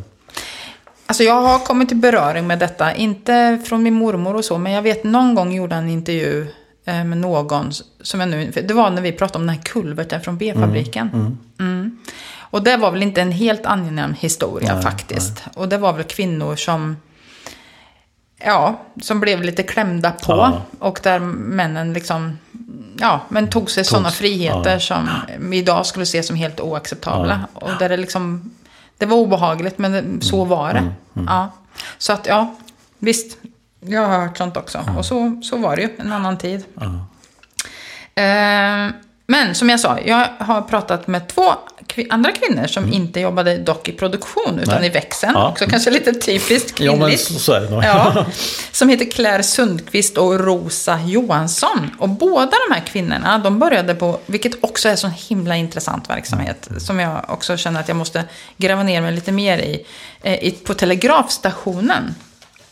ja, ja. Eller telefonstationen, vad heter det? Telegraf? Telefon? Tele- telestationen? Ja. Mm, så heter den. Ja. Eh, när den låg i signalhuset på Adelsvärdsgatan. det. Ja. Eh, och det här var i slutet 40-talet, början av 50-talet som de började där Och då kanske vi måste säga var signalhuset låg någonstans. Ja, det kanske alltså, jag idag Dagens ju, Trekantenhus, ja, tänker precis, jag, där vi har Systembolaget. Ja, och, och med, med flera. ja ungefär. precis. Ja, det, där låg det. Och sen revs väl det, ja, det var slutet sju- 70-talet. Ja. Ja. Men där jobbar de i den här, och du vet, de satt med såna här långa snören och kopplade ja, samtalen och sådär. Och satt och lyssnade på dem. Kunde, ja, och det frågade jag dem om de gjorde, men det hade de inte gjort. Nej. nej. nej. Och, så. Eh, och sen så småningom så automatiserades ju verksamheten Mm. där. Och då gick de över och sökte, alltså de sökte nya tjänster och fick tjänst på Facit under 60-talet. Och de började lite olika tider här. Och växeln fanns inledningsvis i källaren på dag. Om man säger att Ja. man går ner för trappan. Man går in på facetten i gymnasieskolan Ja, och så ner okej. i källaren. En trappa ner. En trappa ner. Ja, ja. Eh, och de jobbade tre tjejer, ibland var de fyra. Ja. Och så säger de, först var det sån här snörväxel, Ja, det som det tydligen som- kallas när man kopplar sådär emellan. Eh, och sen övergick det till bord. Mm. Eh, och det vet jag inte exakt hur det funkade, men det var väl en, utveckling då. Mm, Och med tiden så blev ju allting allt mer datoriserat. Ja. Så att eh, Clary berättade ju att 1997 var hon ju orolig för att hon skulle förlora jobbet, för att det verkar som att allt eh, skulle bli Mm. Ja, så ja. datoriserat. Och före krisen så fanns det i huset två värdinnor. Ja, just det. Mm. Och på, i alla fall på Claris och Rosas tid så hette de Kerstin Tell och Gunborg Fransson. Och de tog emot besökare, stod, satt väl där uppe vid entrén någonstans. Tog emot besökare, du beskrev att det kom mycket besök. Och följde med dem när de, sk- vilk- vilka de nu skulle träffa på Facit. Och de var så tjusigt klädda, berättar Clary och Rosa då. Och, men när krisen kom så försvann ju de här värdinnorna. För då hade man väl Ja, men dels kanske inte råd att ha dem och dels kanske Nej. inte fanns så mycket besök längre. Så då flyttades växeln upp en våning till entréplan. Så går man in på facetten idag och tittar så satt ju de till höger. Där är det ju en glaslucka Ja, kvar. Ehm, och så kom istället besökarna till dem och så kunde de ringa upp och berätta vart de skulle gå och sådär. Eller om de som skulle ha besök Ja, kom ner. Och så småningom så flyttade de ut till Örsätter. Ja. Och där trivdes de jättebra. Eller överhuvudtaget så sa de så trivdes de så jättebra. Som de var så himla bra kamratgäng. Och ofta är det så att man pratar om det egna liksom, gänget. Eller de de satt bredvid. De satt bredvid posten eller någonting sånt. Att de, att de hade just så kul och Ja. härligt ihop och sådär. Och att de blev så väl omhändertagna av Facit. Ja, ja, men det är också något som återkommer. Ja. Alltså, det, det var kanske så, man var mån ändå lite grann om, Ja. det ligger i det här med brukshandeln. Och jag träffade ju, det var ju jätteroligt, för jag träffade ju Clary och Rosa här. Mm, Så vi satt ju dels uppe på Brukskulturs kontor och de tittade ju på alla bilder. Du vet, det var ju flera Facitbilder där också. Mm. Ja, kände igen flera stycken. Det var ju jätteroligt att höra dem prata. Men så gick vi också ner och tittade på luckan och försökte kika in. Ja, ja. Och vi kikade in genom fönstret. Jag la ut en bild på stort och smått där. På, när de stod och tittade in och det var lite svårt att se. Ehm, och Det, här med besökare är ganska roligt. Jag tänker vi i vår föremålssamling, ett av, ett av de största föremål som vi har förvarar i, i arkivet, eller i för, föremålssamling, det är ett, ett flaggskåp som har stått här. Eh, Mm. Ah, jag förstår. och det är ett, ett skåp med olika fack. Och då är det olika fack för olika länders flaggor. Oj, det säger lite. Ja, men precis. Och de här ländernas flaggor, de hissade man förstås då när man hade Såklart. besök ifrån. Ja. Sådär. Och det är en, en mängd Ja, det är det. olika länders Ja. flaggor som finns Ja. där. Ja. Och idag är det extra efter, för är det ju, finns det ju en del flaggor från länder som inte finns längre. Mm. DDR. och sånt. Eh, Så, så idag är det, är det, ganska häftigt. Ja, Ja. Men det säger mycket om, för, Ja. om världsföretaget på något sätt. Verkligen. Ja. Mm. Ja. Häftigt. Ja, Nej, så de som har sett min bild på stort, smått och lite däremellan så tog jag en bild. Det var alltså Clary och Krosa som står och kikar in genom fönstret. Och skälet också till att vi gick till det här fönstret var ju att jag hade fått det hela, att jag, att jag fick kontakt med de här två damerna var ju också för att eh, en tjej som heter Emma kontakt, eller hör av sig till mig när jag efterfrågade minnen från Facit. Hon berättade ju att hon brukar besöka sin mormor som också jobbade i växeln. Och hur hon alltid klättrade in genom det där fönstret. Jaha. Ja, hon sa att det var, var ju inte så förmodligen att inte dörrarna var öppna. Utan det var bara så spännande att klättra in genom Ja, okej. fönstret. Och det är ju bredvid Ja, den här ja. plattan med guld, Ja, precis. i guld, kungens Ja, ja. namnteckning som det här fönstret är. Ja. Ja, sen sa jag ju för en liten stund sedan att det var två specifika saker jag ville komma tillbaka Mm. Ja, precis. Ja. till. Eh, när det gäller facit Mm, och minnen. Och då tänkte jag anknyta lite till vårt förra avsnitt, julspecial. Eh, det gjorde ju du också med julfabriken. Mm, Ja. Och för efteråt så kom jag själv att tänka på att jag, jag glömde helt att ta upp en av mina absolut främsta minnen, egna minnen med Lucia. Mm. Och nu ser du sådär lite, för du har, du har ju inga minnen från Lucia. Nej. Nej. Men jo, det här tänker jag, det här kanske var ett undantag faktiskt. Att det, det här kommer även du ihåg. Nämligen Lucia-simmen i simhallen. Just det. Ja. Ja. Hur men- kan man glömma det? Det var ju så fantastiskt. Ja, det var en stor grej. Ja, en jättestor grej. Och det var så roligt, för man satt, man satt ju på de här, eh, ja, vad ska man kalla det för? Ja, avsatsen. Ja, precis. Och så ganska hårt. Ja. Och den här tropiska, fuktiga Ja, värmen. herregud. Och det, alltså jag kommer inte ihåg så mycket Nej, av det- det- Men, men det kommer jag ihåg. Det var så jä... Det var så himla varmt där. Ja. Ja, men det var det. Och det var ju också varmt för att det var ju så mycket Ja, folk. ja. Och det var ju vinter, så man kom ju in med sina stora vinterjackor. Ja, och så satt man där. Men det var ju så roligt. Mm. För vad hände här? Ja, dels var det ju att det var Lucia-sim, alltså att det var tävling. Ja. Och jag vet inte om det var OSS eller om det var... Ja, någon sa att, det, att han eh, trodde att det var skolklasser som tävlade. Ja, det har, nej, det har jag ingen uppfattning Nej, jag, och jag, jag har någon känsla av att jag har varit med och simmat, så det kanske var då. Eh, Så det var det ena, att, att det var tävlingssim. Och sen kommer du ihåg att ljuset släcktes ner. Det. Och så kom ju Lucia-tåget. Och det var ju helt otroligt. För Lucia fick ju också åka. Då gick de ju skred de ju hela vägen fram längs hela långsidan. Vilket ju var lite läskigt. Eftersom de släckte ner. Eller släckte ner. Och så lyste ju lamporna i själva po- Ja, i, ja, vattnet. det. Och så gick de hela vägen bort till kortsidan. Och där stannade tärnorna och all, an, de andra i följet. Och så fick ju Lucia stiga ner i den här båten. Och så var det väl två OSS-simmare som simmade. Liksom, ja, men det var ju, åh, jag blir helt så, så nostalgisk. Och då måste man ju också nämna i det här sammanhanget vår gamla musiklärare. Kommer Just du det. ihåg? Ja, men eh, jag hade Ingrid Olsberg. Olsberg, Ja. som vi kallade faktiskt för Pippla. ja. Hon var ju alltid närvarande. Man var alltid Ja. lite orolig för att någon, även hon, skulle ramla i vattnet. Jag tror all, alla vi i vår generation minns Pippla. Mm. Och minns du vad som, vad som, hur man liksom, vad säger man, krönade? Tänkte jag säga, krönte. Jo, men det fanns väl en sån här när man gjorde, man hoppade från Skämthopp. Skämthopp. Det var ju också men jättekul. precis, det var- Ja. De hade liksom stora kuddar i, i brallen, bara att de hoppade i med kläder var ju Ja, kul. det. Man var ju lättroad. Ja. Men på trampolinerna Ja, var ju det. fullständigt Ja. livsfarligt. Och så hade de ju kuddar i stoppat så, här, så att de kunde ramla på trampolinerna Ja, och fara ja, i. ja. Och Jag tror Rickard Lindgren var med i de här skämthoppen okej. bland Ja, annat. ja. Och flera med honom. Men de var ju jätteduktiga. Ja, Och det var lite läskigt. Ja. Men det var, det var liksom en bakgrund till mitt minne av Facit. Därför Ja. att i simhallen så fanns det ju också reklam för Just. Facit. Den här, och jag ser det framför mig, det är rund, svart, med någon vit. Ja, det är ju Cirkel, ja. ja. precis. Det är ju Facits logotyp. Precis. Som man då införde på 60-talet en gång. Okej. Ja. Ja. Eh. Men en annan sak som jag tror fanns där och som är äldre. Jag vill minnas att det fanns en Facitgubbe. Det gjorde det säkert. Mm. Ja. För min första liksom, specifika sak när jag tänker på Facit Mm. är ju Facitgubben.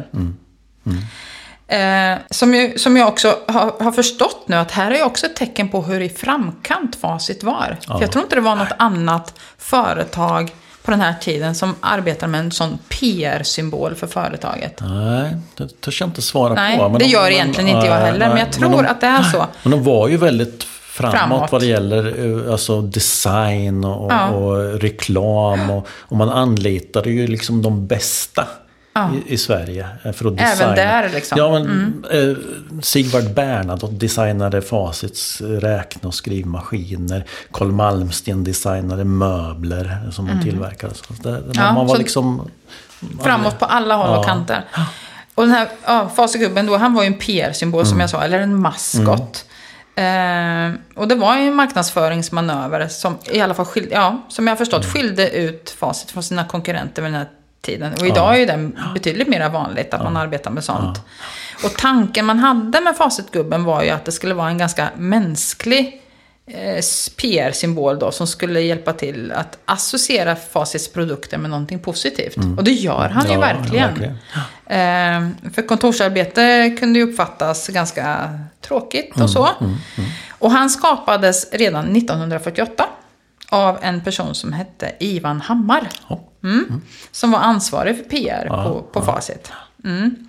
Och sen har jag ju, jag har ju letat lite i arkivet. För jag skulle ju tycka att det var jätteroligt att se hur man resonerade mm. kring Facitgubben. Hur, man, hur den här utvecklades och ja, hur, hur man diskuterade den här. Ja. Men det har jag ju tyvärr inte hittat nej, någonting. Eh, och det kanske var så att det, det, han, han kom med ett förslag och det, go, som var det liksom bra. Och han designades ju som en trollkarl. Mm. Mm.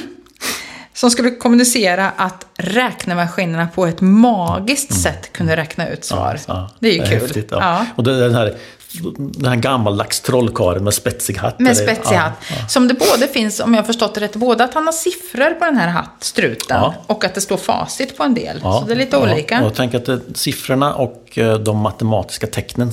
Matematiska tecken var det också, De är de som är i början. Alltså, äldsta facitgubbarna. Ja, och sen kom de här som det står facit. Och så hade han ju en sån här eh, dräkt liksom med stora knappar. Ja, det är ju en slags... Um, servicedräkt, alltså en slags ja, overall tror jag. Over, ja, det är det ju. Ja. ja. Så att man liksom är den magiska. Kopplade till, ja, ja. ja. kopplade till dem. Ja.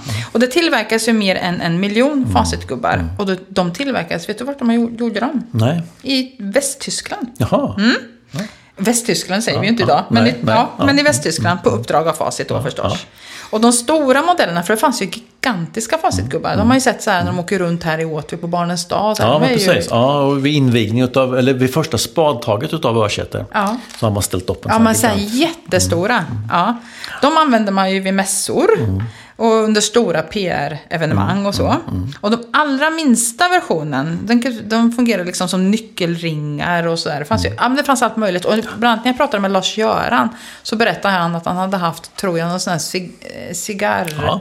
Cigarettändare. Cigarettändare var det kanske. Ja, man, man fällde tillbaka ja. huvudet på dem så Precis. kunde man liksom tända ja, en låga. Ja, så det fanns ju alla möjliga grejer. ja. Men normalstorleken på facitgubben om man säger eh, var ju 40 centimeter. En liten, den kan man ju fortfarande se. Ja, den är, ja. ja precis. Ja. Och idag finns det ju, är den ju samlarobjekt och jag tror man får betala ganska ja. mycket pengar för den här om man skulle köpa en på Tradera. Men, men, men, det var ju inte bara en, ett, ett föremål, eh, tänker jag. Utan Facitgubben fanns ju med i eh, Facit-reklam. Mm. Som en mm. slags ciceron, ja. en guide. Ja eh, i manualer ja. man ska räkna. Och det fanns den här lilla facitgubben. Ja, han är så söt och, och det är så talar om vad man ska ja. göra. Och han springer omkring där. Alltså ja. de här skisserna. För, för, precis som du säger, en sak är ju det här föremålet. Mm. Men i skisserna så är han ju, han är ju så, ja. men han är så fint tecknad.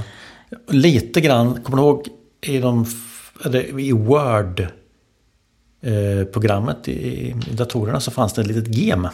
Mm som dök upp. Just det. Lite grann och talade om, ja. hjälpte till. Den finns inte kvar, eller hur? Nej, jag tror inte Men det, ungefär så figurerar så, så facitgubben i de gamla facitmanualerna. Ja, ja. och det gör det ju mycket enklare att ja. läsa. För han är ju lite... Mm. Ja, det är lite härligt. Ja. ja. men jag ser, och det finns ju fantastiska teckningar som sagt på den här facitgubben. Det var facitgubben, ja. mm, som jag tror många associerar med facit. Mm. Den andra saken Eh, det här var ju kopplat till simhallen. Mm. Fast mm. Min, min tanke kring facitgubben nu då. Mm. mm. Den andra saken kan också kopplas till en badplats. Faktiskt. Nämligen mm. när man cyklade till Örnbadet. Gjorde du det? Eh, det gjorde jag säkert. Ja. Mm. Mm. Alltså, det... att simning och bad har aldrig varit... Eh, alltså, ja. cykla till Örn, ja. man, det var ju inte bara för att simma och bada. Nej. Precis. Där ute låg man ju och solade Ja, och ja. spanade in killar och tjejer och så. Ja, så. Och ehm, sprang omkring på hopptornet och sådana saker. Ja. Men, ja, absolut. Men jag cyklade i alla fall väldigt mycket till Örn och badade. Eller vi och mitt kompisgäng och så. Och då cyklade man ju just förbi Örsättersfabriken. Eh, och jag vet inte hur det kommer sig, men tidigt så hörde jag talas om att eh, det skulle finnas någonting väldigt speciellt nedgrävt där. Eh, och jag, ja, men jag gör så här, jag avslöjar vad, var, vad jag hörde. Eh, för jag har en liten ljudinspelning eh, här som jag tänkte att vi skulle spela upp. Eh, men har, har du hört talas om att det skulle finnas något nedgrävt någonstans? Ja, det har jag. Ja. Och jag har en historia kring det med. Som Har du? har, som har med arkivet att göra. Jaha. Ja, Men ska vi avslöja vad det var för någonting då? Innan jag berättar. För det har inte... Nej, men vi kan göra så här att vi kan spela upp ett litet ljudklipp. Som, ehm, där, vi, där jag kan avslöja så pass mycket att vi går här och letar efter platsen vart det här, är ned, vart det här finns i marken. Vi lyssnar på det först. Ja. Ja, just det.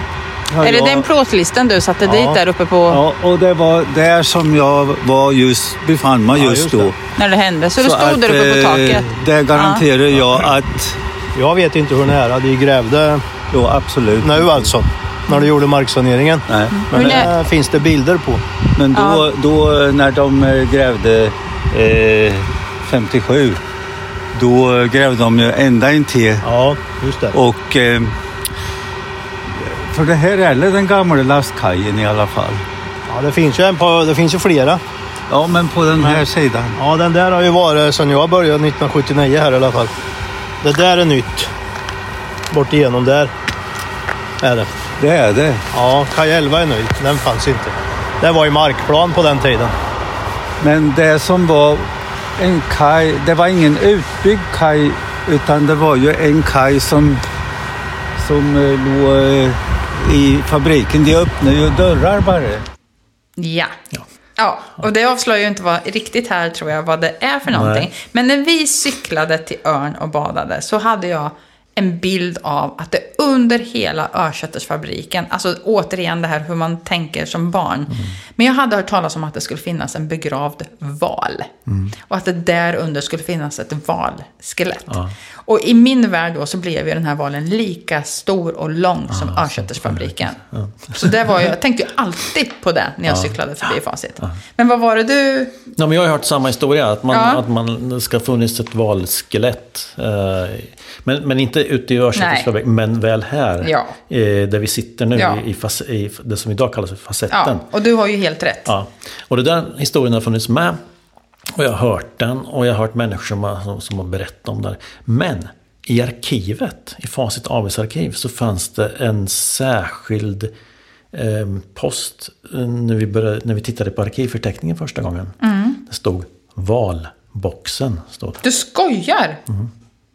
Och då vart vi... Vet du hur mycket jag har letat efter mer information? Ja. Och det får jag veta nu. Ja, men, men då är det så att det som då står som valboxen i ja, nej, jag förstår. Det är inte den valen. Nej, precis. Det här handlar om facits. Eh, man testade på 60-talet att göra eh, eh, alltså, politiska val. Jag förstår. Ja, Men med, du hjäl- var... med hjälp av hålkort Ja, i en jag särskild förstår. maskin. Ja. Åh. Och vi varit väldigt besvikna för Åh. vi trodde också att det hade att göra med den jag här hade, valen. ja, som var vilken tur att jag... Då är jag tacksam Så- att jag skonades för... Ja, för sen är den här valboxen i sig Ja. en väldigt häftig Ja. historia om, Ja. eh, om, om teknik som kanske inte fungerar som det ska. och allt sånt. Ja. Ja, okej. Nej, men ett valskelett. Och inte under Örsättersfabriken som jag då trodde. Utan under. Men för mig var ju facit bara Örsättersfabriken. Så det är väl ett tecken på det också. Utan här då. Och i den här ljudupptagningen så hör vi ju att man går och letar. Eller jag är med och letar efter platsen. Och då kan man ju fundera på. Som, eh, som Mats skojade om igår. Va? Varför skulle en val simma till facit? ja, han simmade förstås inte till facit. Nej. Utan han simmade här i så fall för ja. väldigt, väldigt länge Ja, sedan. Det måste ha varit hav. Hav var det. Kanske. Och som, eh, ja, den senaste istiden vi hade var ju för 115 000 år sedan. Så man kan tänka sig att den är Ja. ganska gammal. Det är ett urtida djur för, om det där. Ja, men precis. Ja. Och det vi hör männen prata om i den här ljudinspelningen då. Eh, det är ju lastkajer och platser som ligger på facettens baksida. Alltså man ser, alltså mot riksväg, riks, ja precis mot riksväg 35. 35, ja. Ja. Och de nämner året 1957. För det året så höll man nämligen på med stora ombyggnationer av industrilokalerna vid, ja, där vi idag kallar facetten. Eh, och Skånska Cement var där och grävde. Mm. Och i maskinhallen, som jag nu har lärt mig heter MA1, alltså maskinhall 1, så finns det en 2 eller A och B. Ja. Men där sysslar man just med den här kontorsmöbeltillverkningen och bland annat så pressade man stols, saker till stolar, ryggar Ja, och så. Mm. Där, på mö- kontorsmöbeltillverkningen, så arbetade bland annat en man som hette Rune Cesar. Och han står då och tittar ut genom fönstret här en dag, 1957. Och han tittar på grävmaskinen som då håller på och gräver där för den här ombyggnationen och man grejar då. Och plötsligt så har grävmaskinen stannat. Den står still. Och han ser att grävmaskinisten, han har hoppat ut och står och tittar ner i det nygrävda diket. Mhm, Det här är så spännande. Och Rune han blir nyfiken. Och när han lite senare får tillfälle så går han ut för att titta på vad grävmaskinisten hade fått syn på. Och det han ser är gulfärgade. Någon har sagt saffransgula. Någon annan säger svagt gula. Men gulfärgade, stora ryggradskotor. Och jag tror han ser både i gropen och han ser också på lastbilsflaket. För bredvid grävmaskinen så är det en lastbil man då, då lassar upp jordmassorna man fått upp. Då. Så i skopan så har ju då en kota kommit med. Någon annan som också ser det här, det är plåtslagare Stig Sandqvist. Han står nämligen på taket precis ovanför möbeltillverkningen. Kanske 10-12 meter högt upp då. Och sätter plåt runt murkrönet. Och det är Stig som vi hör på den här bandinspelningen. Det är han som säger att han kan gar- garantera att han har sett det han såg. Mm. För igår, lördag då, så var vi nämligen där och tittade. Och det är då jag gjorde den här ljudupptagningen. Ja, Jag, Stig och Jörgen Strömberg. Ja. Och som en parentes här i den här spännande berättelsen så kan jag bara säga att Jörgen, han har ju också arbetat på Facit Mm. i i stor del av sitt liv. Han gick på yrkesskola 73, så då håller man fortfarande på med det. Mm. Och det var första året när yrkesskolan var en gymnasial utbildning. Jaha. Han har också, liksom andra, hört talas om valskelettet. Och precis som flera andra, han också fått olika platser utpekat för sig. Vart, vart det här skelettet då skulle finnas. Bland annat har man sagt på framsidan vid Suckarnas bro. Och då säger ju Stig nej, nej. Absolut inte. Jag vet vart det här var. Men han är också så här, det har ju hänt saker sedan 1957. Så att hitta, lokalisera platsen. Men det visade sig att det var inte så svårt. Han kunde peka precis på taket var han stod. Och han kunde peka liksom, det här är den här plåtgrejen han höll på med den där dagen 1957. Eh, och vi gick runt där och tittade. Eh, och sen plötsligt så började Jörgen också berätta om marksaneringen som ägt rum på det här området. År 2002 så sanerade nämligen Åtvidabergs kommun marken på baksidan. Hela baksidan. Eh, 19 000 kvadratmeter gick man metodiskt igenom. Och 72 000 kubikmeter avfallsmassor grävdes upp och sorterades. Och varför gjorde man då det här? Ja, det har varit Facit ABs industritipp. Precis. Mass, eller massvis, men en del giftiga saker. Och inte bara, inte bara det, utan de här två bottennasarna som finns under tak vid dammen vid biblioteket. Mm. Som vi har pratat om en gång, ja. De kommer därifrån Ja. och har då blivit flyttade Okej. en gång. Eh, Dit? från- Ja. Ja, man har dumpat Ja, dem också ja, där. Men jag tänker att det inte bara Facit som har, eh, som det finns liksom rester, kanske eventuellt farliga rester från då, utan det är kopparverksamheten, kopparbruket som låg här. Eh, de, andra fabrikerna och industrierna, Mm. eh, så. Men framförallt så är det ju Facit, precis som du säger, det, det var ju en tipp. En industritipp för allehanda farliga kemikalier. Och man hittar ju också en hel del som var Mm. Precis. inte så bra. Eh, Så det här tar man liksom hand om och, och plockar bort Mm. och sådär. Och man grävde ju djupt. Eh, Som djupast 12 meter. Men hittar man något, något annat? Ja, men eller? då är det ju sådär. Man tänker, okej, här har man grävt hela det här området. Då borde man ju hittat skelettet om det fanns. Om det inte liksom så. eh, En, ett hittepå. Eh, och jag har läst kommunens rapport. Mm. Och ingenstans i den här väldigt detaljerade redovisningen över allt man hittade i form av farligt och ofarligt material så nämner man ett skelett. Och det känns ju som att det skulle man verkligen ha gjort. För Ja, man tar ju upp en massa precis. saker som eh, förmodligen ganska jobbigt att ta upp. Ja. Så då måste det här vara en myt då? Eller? Såg Rune, Stig och de andra i syne, tänker jag. Är det bara hittepå? Och så såg de fel kanske? Såg de jag tänkte, Det fel? kan ju ha varit någonting annat som de plockade Kan det ha varit något annat? Ja, absolut. Ja, Är det bara hittepå att byggnadsingenjören från Skånska Cement, som var de som var där och grävde, ska ha sagt till de som stod runt diket, för det var inte bara Rune som stod där, utan det var fler. Han hade, lär då ha sagt att fan ta den som yppar något så att bygget blir försenat. Så man la locket på och sa att det här fick man inte prata om för att det skulle bli försenat och det var ju förenat med mass, höga kostnader då. Eh, ska det också vara då vara hittepå att Rune Caesar lär ha känt sig hotad. För att inte, ja, då, inte prata om det här. Ja, det här undrar man ju. Men då, ska man, då, då kommer nästa spännande del av det här. Jag tycker att det här är jättespännande. Ja. För på platsen utanför MA1, alltså precis där då han, s- de såg det här hända, eller det, där diket var, så finns det idag ett rött skjul. Och det här röda skjulet har åtminstone funnits så länge som eh, Jörgen har varit där. Han kom i 73, men så började han jobba 79 efter Ja. yrkesskolan. Och då har det funnits, om jag förstod honom rätt. Och det här röda skjulet rymmer ett ventilationsaggregat. I källaren under skjulet, ungefär under, så finns den så kallade tuggen. Som användes för att, ja, uppifrån kontorsmöbeltillverkningen så kastar man ner i en liksom, trumma ner överblivna träbitar och annat som tuggade Ja. sönder av den här tuggen. Ja. Det var ett jäkla liv på den, enligt Jörgen då. Och det var, kom han fram till tillsammans med Stig, förmodligen den som man då grävde utanför för, för att installera den här tuggen.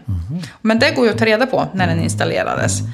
Ehm, så då, det, är ju tecken på att det var precis just där. Och skjulet med ventilationsaggregatet utanför, som, kom, som tillkom senare, men före saneringen, stod alltså på platsen när man sanerade 2002. Hela området saneras. 19 000 kvadratmeter om man gräver djupt. Men inte marken under skjulet. Så du tänker, finns det ett valskelett så kan det finnas just där? Det är där, det är om det finns ett valskelett. Så var det där som han pekade ut, det är platsen. Och där har man inte grävt. Alltså, jag blir, är man på något sätt en konspirations... fallen för att eh, hemfalla till konspirationsteorier. Så skulle man tänka, hmm, uppförde man skjulet? Ja, men du vet, för att så. Eller, ja, jag vet inte. Det här är ju, jag då som är lite skeptiker Ja. i sammanhanget, eh, tror ju säkert att de Jag sa inte att jag var konspirationsteoretisk. Men, men jag tänker, just det här är ju en ganska vanligt Mm. eh, förekommande att man hör sådana stories i, i byggbranschen. Mhm. Överhuvudtaget. Att man Om valar? Nej, men om andra saker som man hittar. Alltså Ah, okej. lämningar av Ja. olika slag. Ja. Som man då tystar ner man får, för att inte bygget ska försenas. För att inte bygget ska det kosta ännu mer. Ja, men så det, liksom, det, lever med det här. Och det har säkert hänt. Och det här kan ju, det här kan ju absolut också vara sant. Så det, det är inte det jag säger. Men, men, men, men det, det har också delar i sig som Ja. det här med att man tystar ner, man känner sig hotad. Det, det, Ja, det finns där. det finns ja. delar som, som, som är typiska för just konspirations... Sen är det ju så här, ja, man, om man då tystade ner då, så det kanske man inte ska vara så överraskad över. Idag skulle man genast ha ringt Länsstyrelsen, för så, det, så ser det liksom ut. Och så skulle det bli försenat och vara förenat med stora Ja. kostnader. Och göra en massa människor frustrerade. Men då kanske läget var på ett annat sätt. Ja. Sen kan jag ju tycka, liksom, ja visst, det kanske ligger ett valskelett där och en sen då. Så, Ja. det kan man ju också fundera på. Men det är ju en spännande grej. Och Absolut. för Åtvids del på något Ja, sätt så kan jag ja. tycka, wow, det Ja, här vill man ju komma till ja, men botten med. precis. Och det är en, en häftig story kan jag säga. Och det, det är ett spännande det är spännande att tänka att det ligger någonting urtida Ja, det är det. eh, här begravt i, i, under jorden här på något sätt.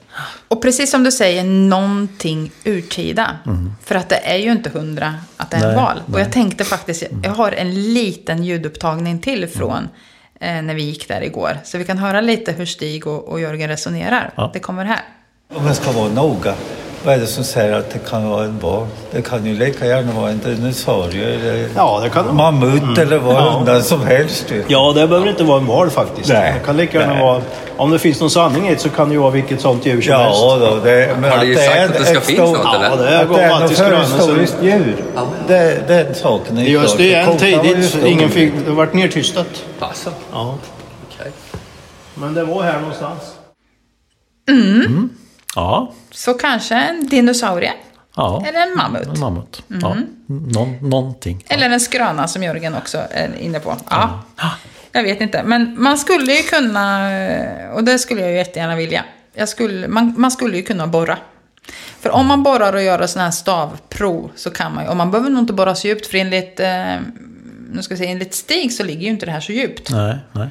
Utan skulle man kunna få ner, eh, liksom borra två meter ner så kanske man skulle kunna få upp och faktiskt se om det. Och det skulle ju vara jättespännande. Samtidigt så hittar man då ingenting så är ju, då är ju myten borta.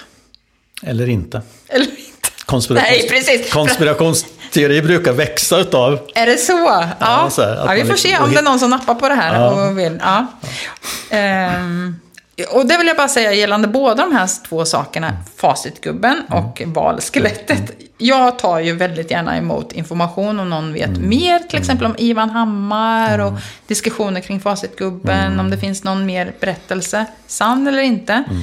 Eh, Jag tar jättegärna emot eh, information Ja, om, valskelettet. precis. Finns det mer berättelser kring Ja, det här? Alltså, det kan vara kul. Skulle vara kul som att samla på ja, Ja. Fler som har någonting att berätta kring just den här händelsen. Det vore Ja. häftigt. Ja, faktiskt. Ja, det var det- det. Men det- vi har anledning att återkomma till... Absolut. Eh, Men, och vi kommer ju, Ja. eh, inte nästa Nej, avsnitt, men avsnitt, avsnittet efter så kommer vi fortsätta Med lite facit. Mm. grann kring, kring eh, nu var det mycket uppgång och, och glansperiod med Mm. facit, men här kommer det bli lite nedgång och ve och bedrövelse kanske. Mm. Ja, I det hela. och skälet till att vi inte tar det här nästa gång Mm. är ju att nästa gång i februari Då ska vi pröva på någonting som vi aldrig har gjort förr. Och det blir så himla läskigt! Ja. Och, och Roy skjuter upp axlarna. Och då kommer du kunna se hur han skjuter upp axlarna live. Faktiskt. För vi ska ju livesända Mm. Ja, men precis. Ja. Den 26 februari så sänder vi live från Åtvidabergs bibliotek. Klockan 19. Mm. Och det kan vi bara säga att eh, det, vi har ju fått frågan från biblioteket. Det ingår liksom i deras, det är de som är värdar för det här. Mm. Ja. Så att eh, vi har fått frågan och det, Och vi tänker oss vad vi ska prata om. Ja. Jo, det är ju att vi vill gärna ha frågor. Vi tänkte knyta ihop lite olika trådar, säckar kanske, som vi har tappat lite sådär. Men också ska vi ta upp sådana frågor som vi har fått Mm. under, under seriens gång. eh, Så att säga. och nya frågor. Och nya man- frågor tar vi ju hemskt gärna emot. Ja. Eh, Allt som rör Åtvidabergs historia. Eh, Och vi ska göra det bästa vi kan för att svara på dem. Ja, så då kan man komma dit och höra oss svara på dem också. Ehm, Ja, men precis. Och man kan skicka frågor antingen via vår Facebook-sida naturligtvis. Mm, Åtvidaberg i backspegeln som Ja. den heter. Eller via vår e-post, podcast snabla eh, brukskultur.se. Bra Roy, nu snubblar du inte på Nej. den. Nej. Och så finns det ju också, om man vill skriva ner sin fråga, så kan man göra det. Och så kan man lägga det i brevlådan inne på biblioteket. Till vänster direkt vid anslagstavlan finns det en brevlåda. Precis. Så passa på nu Ja. och ställ. Och man behöver ju inte skylta med sitt namn. Nej. Kan säga till att man inte Ja. vill att vi nämner om man till exempel mejlar. För att det behöver vi absolut inte göra. Utan alla lokalhistoriska frågor, stora som små, tar Mm. vi tacksamt emot. Det vore jätteroligt. Vi förstår ju att intresset är ju stort för vår lokala historia. Ja, Så det ja. finns säkert massor med frågor. Precis. Eh, Så det ska bli kul. Och sen kom till biblioteket. Ja, men precis. Det Jättekul. ju, ska bli otroligt spännande att ha publik Mm. eh, här. Ja, Så. verkligen. Ja. Ja. Ha, ska vi ta det så? Vi tar det så. Ja. Då säger vi ja. Hej då!